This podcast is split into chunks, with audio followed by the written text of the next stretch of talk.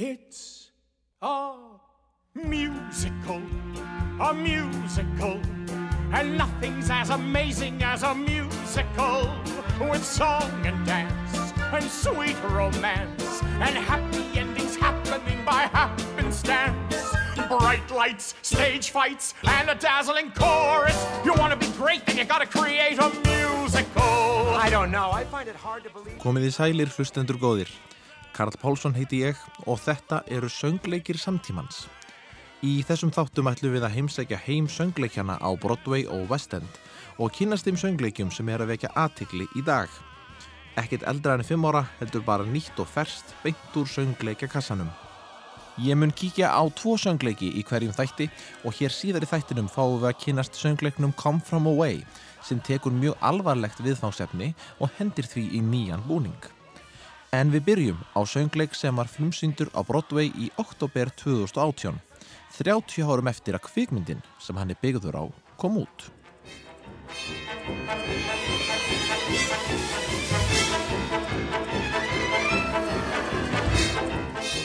Já, þetta er að sjálfsögðu klassikinn Beetlejuice úr smiðju Tim Burton. Beetlejuice. Beetlejuice. Beetlejuice. It's showtime. Kvikmyndin Beetlejuice kom út eins og áður kom fram árið 1988 og er ærslafull hryllingsgamavind sem segir frá hjónunum Barburu og Adam Maitland sem að deyja í bílslisi og ganga aftur á heimili sínu.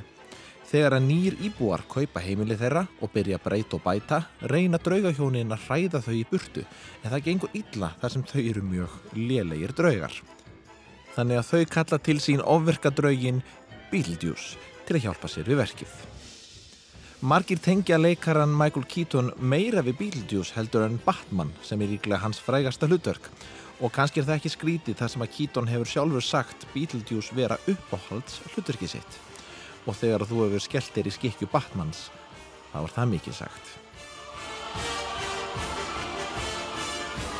Söngleikurinn fylgir aðal söguþræði myndarinnar ágætlega en fer þó mjög lauslega með atbyrðarás og einstök atriði sem að Beetlejuice er sjálfur fljótur að benda á í öðru lægi síningarinnar eftir að róleg ballaða byrjar söngleikin. Holy crap! A ballad already? And such a bold departure from the original source material! Hey folks, begging your pardon. Excuse me, sorry to barge the tears and start on the whole, you know, being dead thing. You're doomed, enjoy the singing. The sword of Damocles is swinging. And if I hear your cell phone ringing, I'll kill you myself. The whole being dead thing, death can get a person stressed. We should have carped way more deals, now we're never gonna see them. I can show you what comes next, so don't be freaked. Stay in your seats. Bullshit like eight times a week. So just relax, you'll be fine. Drink your $50 wine and take a breath. Welcome to a show about death. You're, you're gonna be fine on the other side.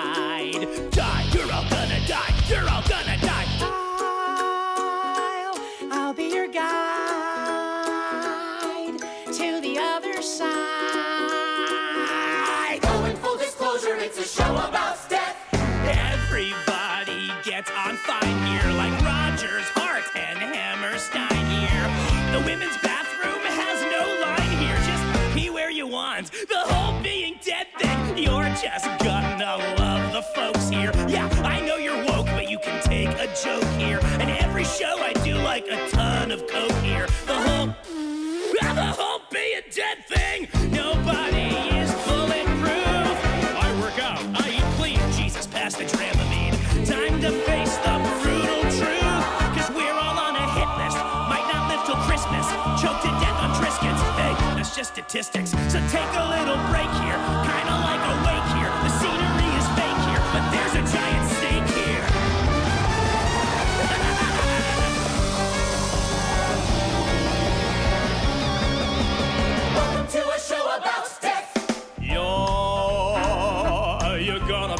fine. Thank you. On the other side, how you doing? Oh, not good.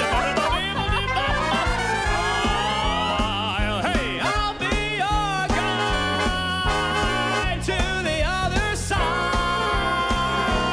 Seriously, though, this is a show about death. It's taboo, something new. There's professionals can do. Just feel you. If you die while listening to this album. Gonna keep playing. There's no destiny or fate. Just a terrifying weight. Filled with people that you hate. And on a certain day the universe kills you. That's the thing with life, no one makes it out alive. Toss that. Stærsti munurinn á síningunni og myndinni er væntalega sá að aðal fókus sögunar færist pínu af Barburu og Adam yfir á Beetlejuice og Lydia. En Lydia er dóttir skástrík fósturdóttir hjónana sem að kaupa húsið fræga í sögunni. Með hlutverk Beetlejuice í síningunni er fengið algjör kanóna úr söngleika heiminum en Alex Breitmann sem fer með hlutverkið var tilnefndur til fjölda verluna fyrir að tólka Dewey í söngleiknum School of Rock eftir Andrew Lloyd Webber en Jack Black gerði það hlutverk frægt á kvítatjaldinu.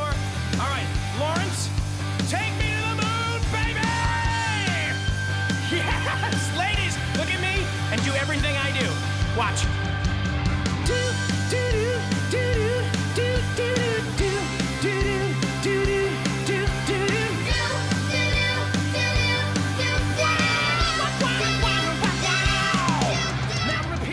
Me. Í hlutverki Lydiu er svo hinn 18 ára Sofia Ann Caruso en Winona Ryder fór með hlutverkið í bíómyndinni.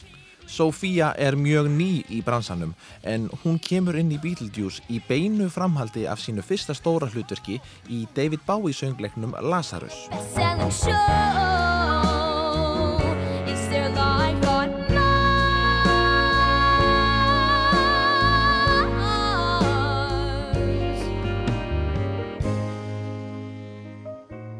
En röddin sem Sofía tekur með sér í þetta hlutverk sýnir að þessi stelpa er komin til að vera eins og við heyrum í sólólæginu hennar Dead Mom.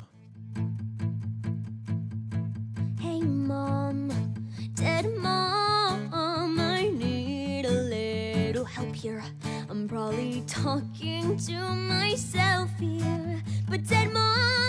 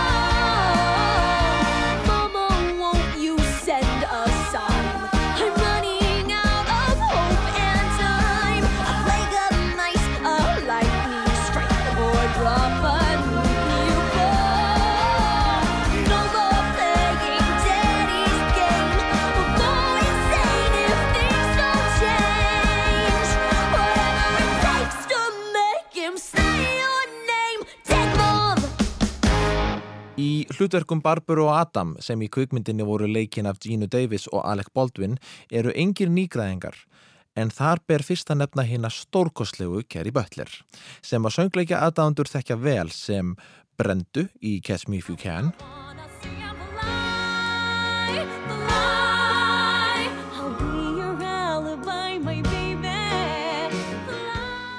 Audrey í upprunarlegu Broadway útgáfinni af Littlu hryllingsbúðinni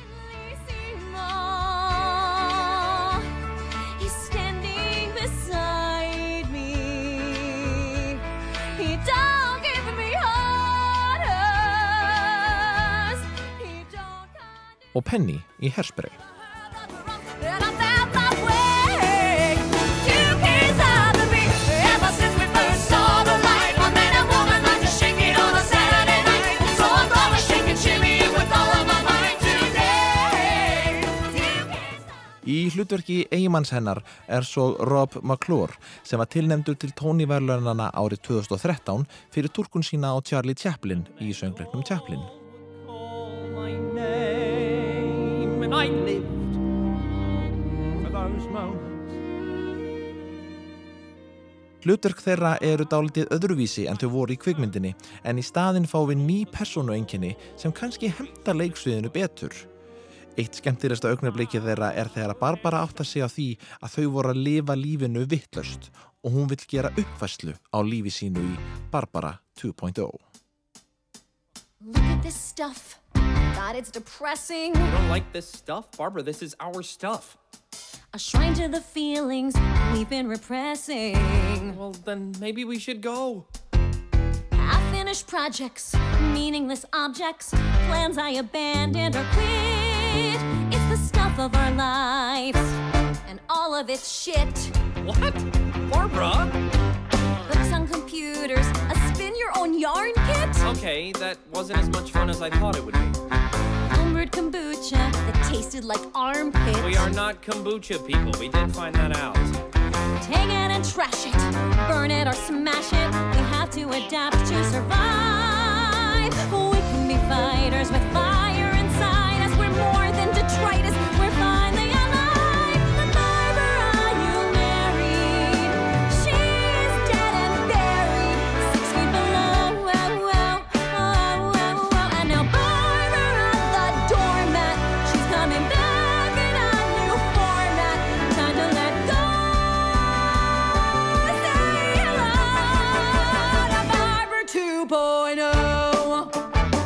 Never even used this. And then I felt bad that I never used it. Break it. Barbara, you're right. I think I've been hiding. I was too. I don't even like pottery. Stuck out of sight like my unused aluminum siding. We are not aluminum siding people. Tragic and static, trapped in this attic. Now Adam is shedding his skin. No more excuses, we're no longer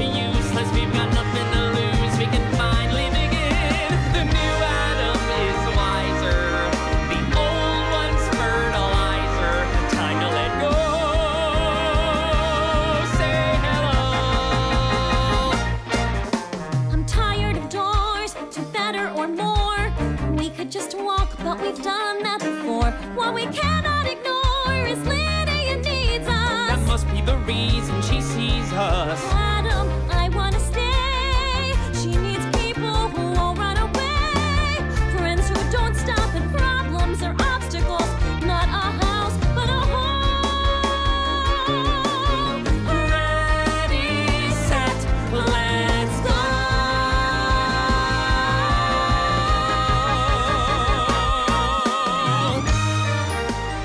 Tónlist og textar er í höndum ástralska grínistans Eddie Perfect en hann hefur hingað til verið þekktastur fyrir hlutverk Mick í ástralsku grínþáttunum Offspring þar sem hann flytur oft sín eigin fyndnu lög og texta.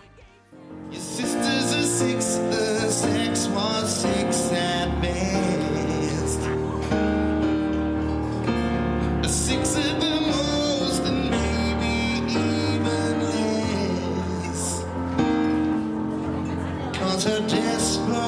nation rent the mood. She made love like a starving person clutching at food. And it's difficult to stay aroused when you're surrounded by a thousand hours. Eddie er ekki alveg óreindur í söngleikalistinni þar sem hann samti söngleikin Shane Warner The Musical í Ástralíu sem að fjallar um kriketleikmannin Shane Warner. Hann flutti svo til New York í vonum feril á Broadway og náði aðeins að komast inn þegar hann samti textana fyrir King Kong söngleikin árið 2013. Síðan hafði heldur lítið gerst hjá Eddie og sagði hann sjálfur viðtali að á þessum tíma þekkti hann engan og ekkit var að ganga upp hjá honum. Hann frétti svo að því að Beetlejuice handrit væri í vinslu og vildi fara í pröfu fyrir það, en fekk ekki að reyna því að fólk vissi ekki hver hann var. Hann tók þá upp tvö demo og bað umbóðsmannin sinn um að skýra til framleiðandana. Lögin tvö voru lögin sem við erum búin að fá að heyra hér í þættinum, The Whole Being Dead Thing og Dead Mom. Og Eddie fekk starfið.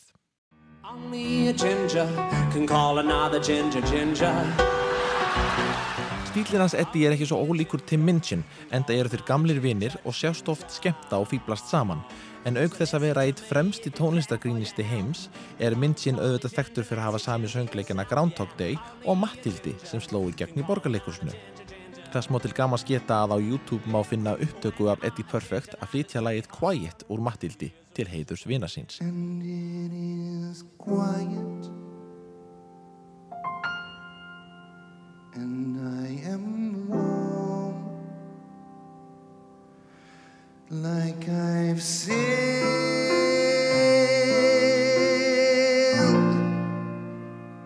into the eye of the storm.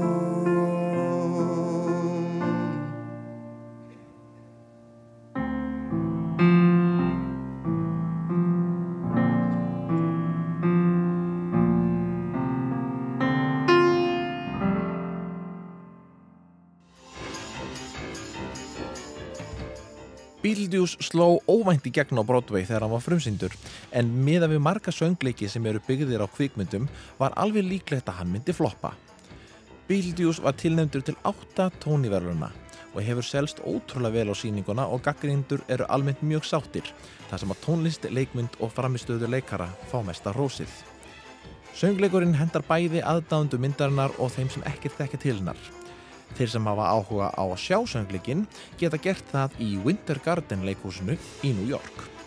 Aðdándur myndarinnar munu eflaust finna eitthvað fyrir muninum á myndinni og söngleiknum en áhrif myndarinnar eru enga síður mjög sínileg og svo sena sem er sennilega frægasta sena myndarinnar lætur sig ekki vanta á leiksviðið en það er auðvitað kvöldverðasenan þar sem fjölskyldan verður andsettinn og mæmar og dansar við lagið Deo eða The Banana Boat Song sem að Harry Belafonte gerði frækt á sínum tíma.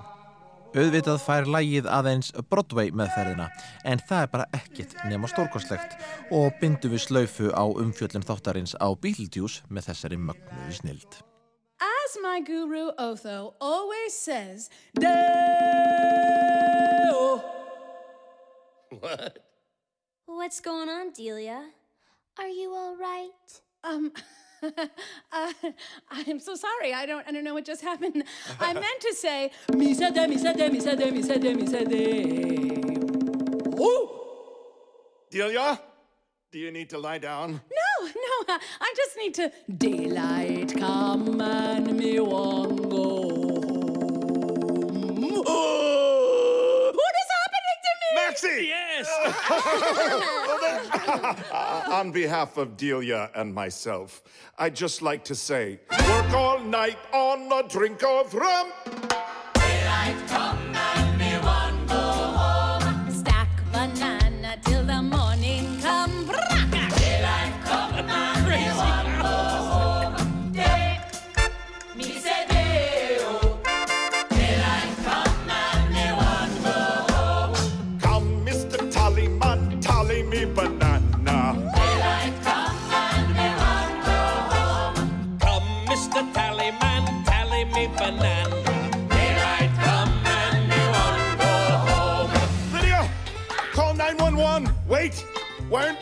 you dancing? It's like I told you, Dad. This house is haunted, and the ghosts who live here want you out. Ah! Barbara, the pig.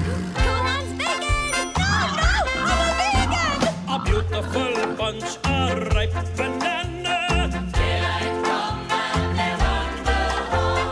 Tied to death, evil like to red. Daylight come and me me one go home. Six foot, seven foot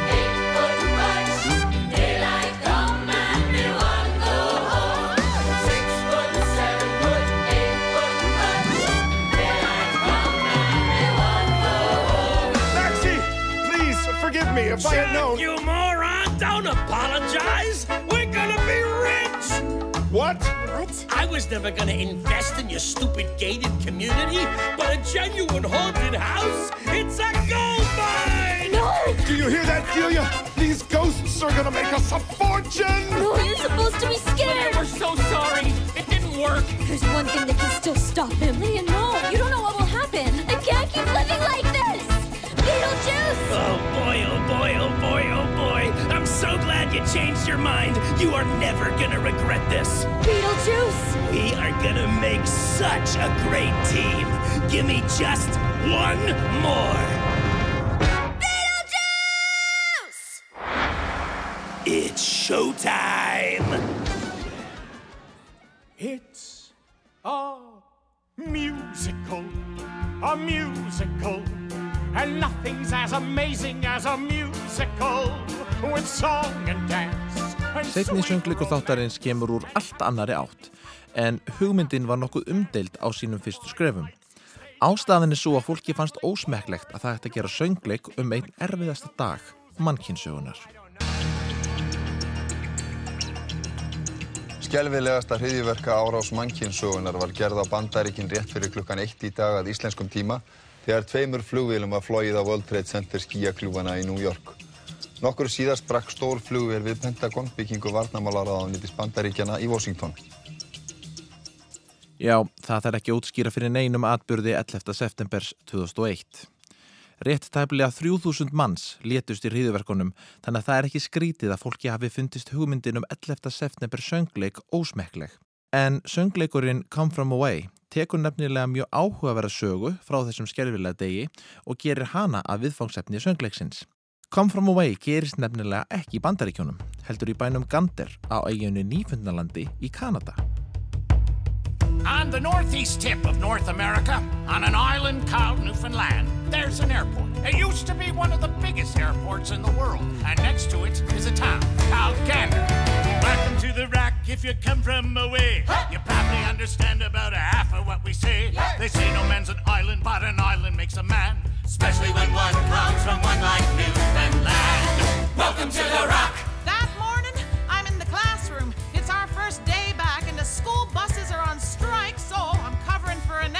Running late. Sorry, Beulah. How's the kids? Not exactly thrilled to be inside on such a gorgeous day. So I told them we'd only have a half day this morning, and they were quite pleased until I told them we'd have the other half in the afternoon. Welcome to the wildest weather that you've ever heard of. Where everyone is nicer, but it's never nice above. Welcome to the farthest place you'll get from Disneyland. Fish and chips and shipwrecks. This is Newfoundland. Welcome to the rock.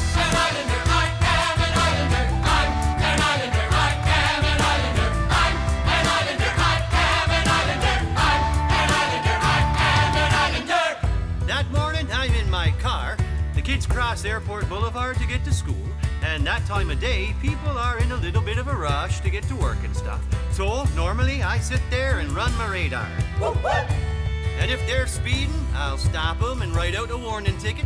I'll write STFD. Slow the fuck down.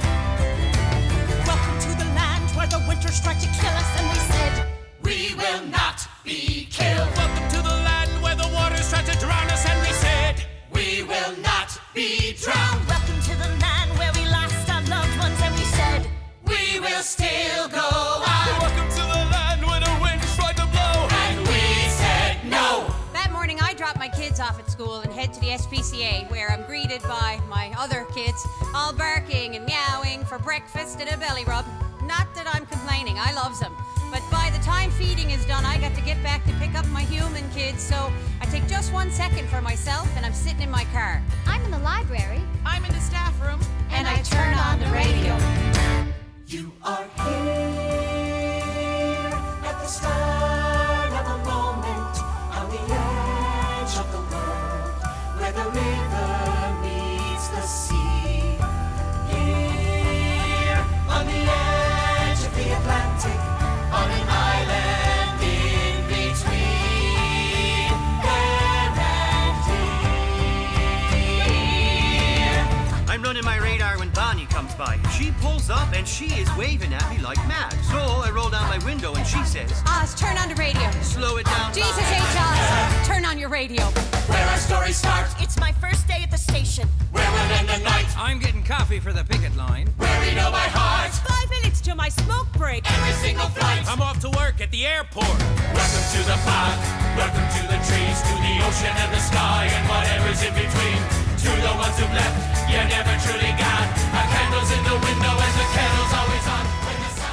Eins og áður kom fram gerist söngleikurinn í bænum Gander en íbúafjöldi bæjarins sem menjulega er um 3000 manns þrefaldaðist þegar 39 flugvilar nöðlendu þar þegar að bandarísku lofthelginni var lokað í kjölfar hriðverkana. Íbúum bæjarins sem eru þekktir í sínu heimalandi fyrir einstaka gestrisni rann blóði til skildunar og tóku á móti 7000 farþegum og sáu um þá á meðan að lofthelgin var lokuð. Allt var lagt í sölurnar og segir fólk sem var á staðunum að þennan dag hefði það upplifað það versta sem mannkynni var fært um og það lang besta.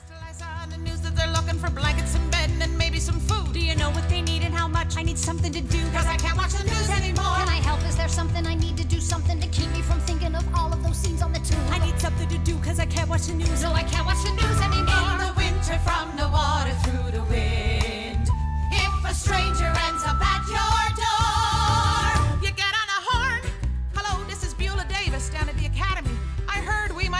some guests, and I thought I'd see if I could help who's ever in charge of getting a school organized. How many passengers can we take? Uh, well, we fit about 400 students. Yes, we could probably do 600. Yeah, or sure, 700 if we really pack them in. When are they coming? Could be any time now. Well, I'm glad I phoned. I get a call from Beulah looking for anything 700 people from around the world might need. So I go down to Shoppers, and the manager says to just take what I want off the shelves. Toothbrushes, floss, mouthwash, deodorant, and I'm back at the school when Beulah says, You know those planes probably got some babies on them. So I'm back to Shoppers for diapers, and we're unpacking them when Annette says, You know those babies are probably gonna be hungry. So I'm back to Shoppers for formula and baby food, and when I get back, Beulah says, You know those planes probably filled with women of childbearing age. So. So I'm back to Shoppers to pick up as many pads and tampons as they have. The Baptist Church needs a hand moving their pews. Dr. O'Brien down at the pharmacy is ready to fill any prescriptions. Oh, and the Lions Club is looking for some toilet paper if you have any extra. Medicine, Toothpaste, underwear, aspirin, jackets our kids grew out of last summer. And down at the station, we're taking donations out by the door. Holy Jesus, there's more. It's better than being at home alone wondering what's really happening. Everyone's phoning. We're setting up rooms in the schools. crying all afternoon wondering what can be done. What do we need? I made a tray of sandwiches. We need 50 more. Sandwiches? Trays. What do we need? 200 gym mats, is that enough? You tell me and we'll both know. What do we need? For the love of God, stop bringing toilet paper to the Lions Club. How do you know what you need when you don't know how many you're needing to feed? When you don't know how many are staying, how long they are praying the weather stays In nice. the winter from the water. In the winter from the water. In the winter from the water. In the winter from the water. If a stranger ends up sent by fate. Are we gonna be ready? Well, we have to be, don't we? Þar sem að þessi hlið er tekin á þessu alvarlega málefni þá skiptist fókusinn á milli íbúa Gander og farþegana sem að allt í einu eru strandaglópar á þessum ókunna stað. Ekki var það til að róa taugar farþegana að þegar að flugvilarnar voru lendar þá máttu farþegarnir ekki yfirgefa flugvilarnar út af örgisástæðum og þurfti að býða í tæplega sólarring án þess að vita fullkomlega hvað væri í gangi. Meanwhile, on our plane, we didn't have a clue. We were all going insane because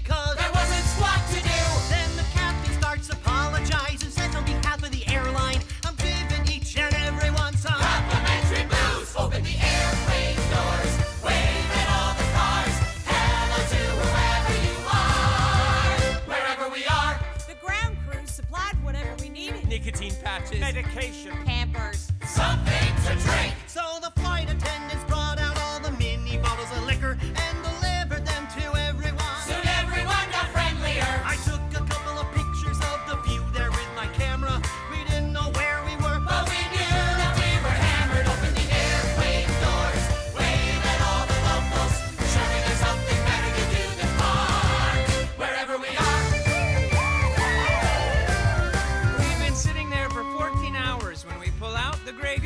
Goose. Kevin and I were kind of hiding it because. Because well, we didn't want to share it. Anyway, this woman, this hot mess behind us, kept completely freaking out. I don't understand why they can't let us off. I mean, just to stretch our legs? I mean, really? I need to get some air. Oh my god, I need to get off this plane. And my boyfriend Kevin, we're both named Kevin. It was cute for a while. Anyway, Kevin was not dealing with it well. I'm going to kill her. Excuse me?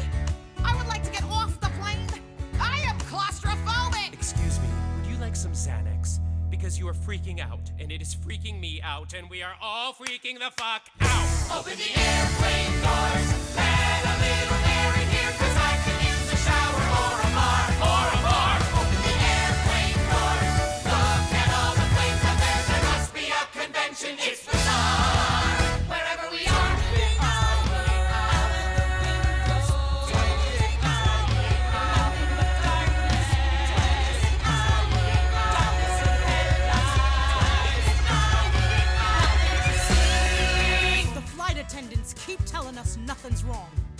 Kids and I've got grandkids. I know when someone's hiding something. And when parents need their kids to stop asking questions, they start playing movies. We ran through every movie we had Legally Blonde, Dr. Doolittle 2, and Titanic.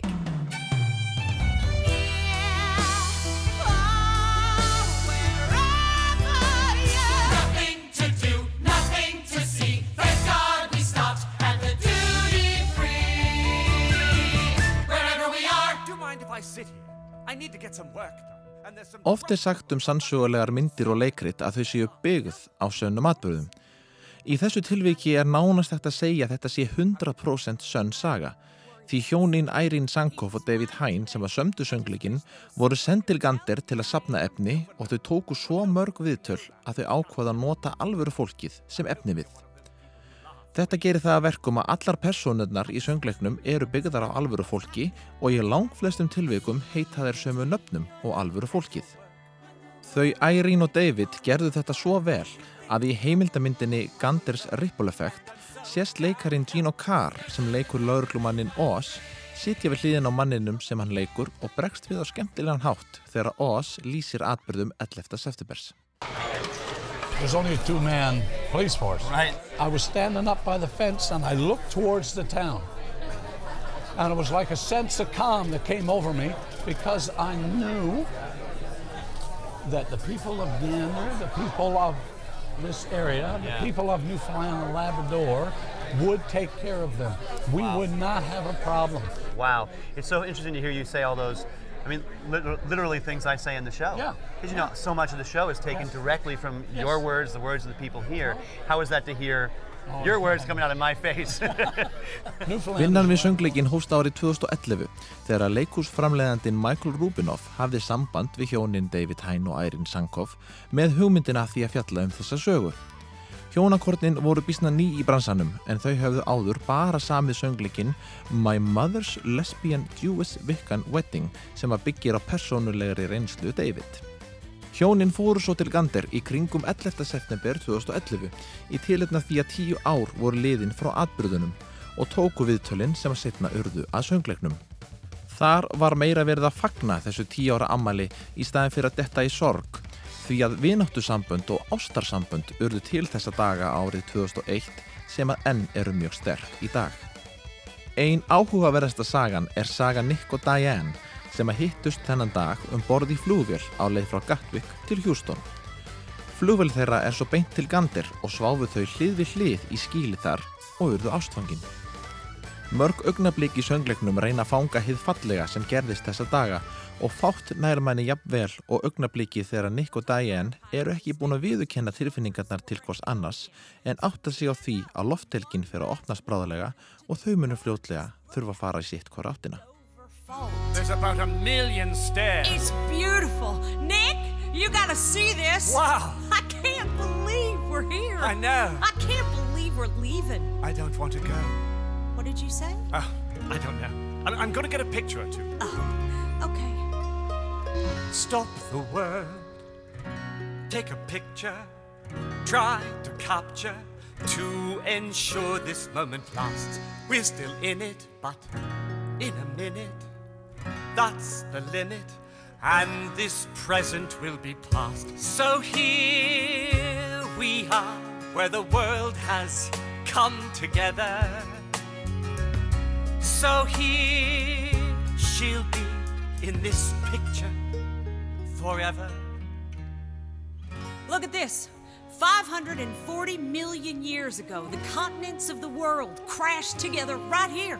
And 200 million years ago, they separated again, moving apart from each other. But a little part of them was left behind. I should move. You're missing all the scenery. No, no, no. Stay where you are. Really? Really. It's perfect.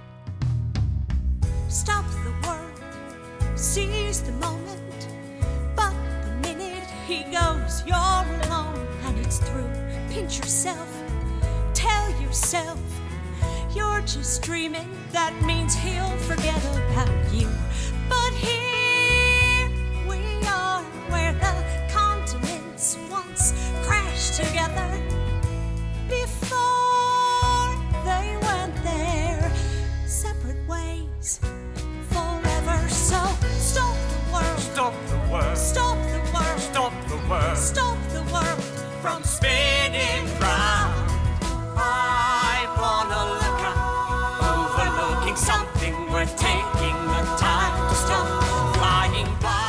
Það sem höfundum söngleiksins tekst sérstaklega vel með í Come From Away er línan milli hins gladlega og hins sorglega. Maður hlægir og grætu til skiptis en það verður auðvitað ekki hjá því komist í sögu sem þessari að fá nokkur augnablík sem að snerta aðeins viðmanni. Ein af sögunum sem tókar mest í hjartastrengin er saga Hönnu O'Rourke sem var meðal farþegana sem að lendu í gandir. Hún egnaðist þar vinkonu sem hún heldur ennþá góðu sambandi við í dag en það breytti þó ekki staðrindinni að sonur Hönnu var eitt slökkvöðismannana sem fór á vettvang við tvíburaturnana. Hanna var því óvissu allan tíman um það hvort sonur hennar hefði lifað hriðuverkin af. Leikonan Q. Smith gerir þessu heldur betur skil í læginu I Am Here. toddler.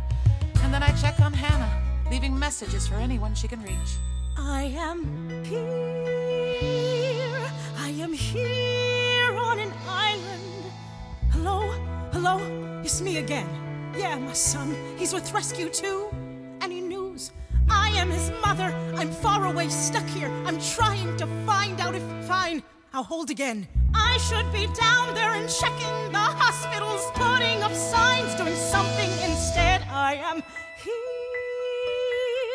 I am here in Canada. I am telling you, listen, my son, he takes risks. He's not missing. He's helping or hurt. He'll get out of this. Yes, I'll keep trying. And yes, here's the number. And yes, at the Legion in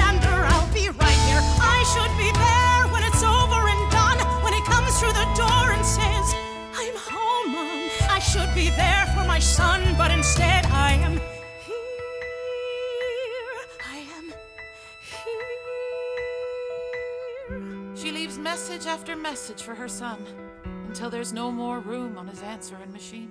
All I know is you are there. You are there. And I am here. Leikhópurinn er einstaklega sterkur en þetta er það sem að kallast á ennsku ekta ensemble söngleikur. Það sem að leikhópurinn hrýfur meira en einstakir leikarar. Að því sögðu er þó eitt hlutverk sem sker sig örlítið úr og það er hlutverk Beverly Bass sem var fyrsti kvenkins flugstjórin í sögu American Airlines og flaug hún einni flugvelinni sem að lendi í gandir. Jen Colella fekk það verkefni að stíga inn í hlutverk Beverly og eru flestir sammála um að hápunktur síningarinnar sé þegar hún syngur lægið Me and the Sky. Parents must have thought they had a crazy kid. Cause I was one of those kids who always knew what I wanted. They took me down to the airport to see all the planes depart and watching them fly. Something inside of me was starting. I was eight when I told them that I'd be a pilot. But I was too young and too short, and there were no female captains. And my dad said, Be patient. He said, Just see what happens. But I took my first lesson, came down from the sky, and told my father I'd fly for the rest of my life. And I got my first job flying for a mortician in a tiny bonanza, just a corpse and me.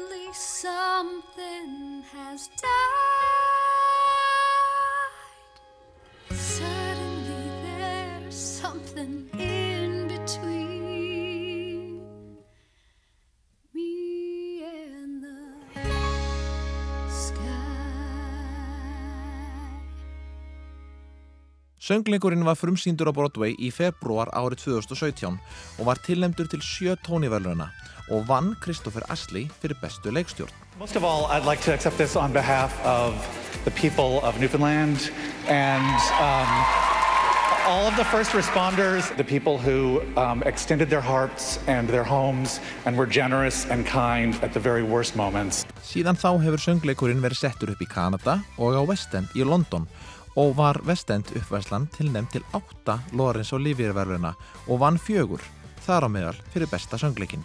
And I also just want to make a special thank you, shout out to the people of Newfoundland who remind us every day, every day, lead with your heart. Thank you. Þessi söngleikur mun eflaust lifa góðu lífi en auk þess að vera í síningu núna á Broadway og West End þá geta áhuga samir líka séðan í Toronto og Melbourne. Við ljúkum þættinum í dag með lægi úr Come From Away þar sem farþegar og heimamenn hafa sapnast saman á skemmtistað og beina huganum frá alvarlegu hlutunum.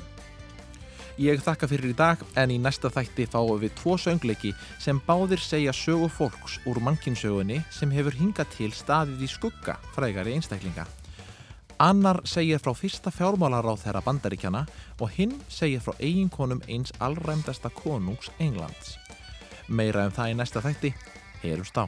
Everyone's going out to the bar, and Nick is going. I'm going if Diana's going. And I think, nobody here knows me. I can be whoever I want to be. I'm not worried about my wallet. I'm not worried about getting shot. I am a little worried about how much Irish whiskey I'm drinking. By 8 o'clock, the bar is completely packed with people from around the world. Everybody's talking about where they're staying, what they've seen, and the bar staff keep making runs for more beer and liquor. After an hour, people are swimming in the river out back. And no, no one brought their swim trunks. A couple of lullabies get up with their accordions and fiddles, and someone brings out an ugly stick.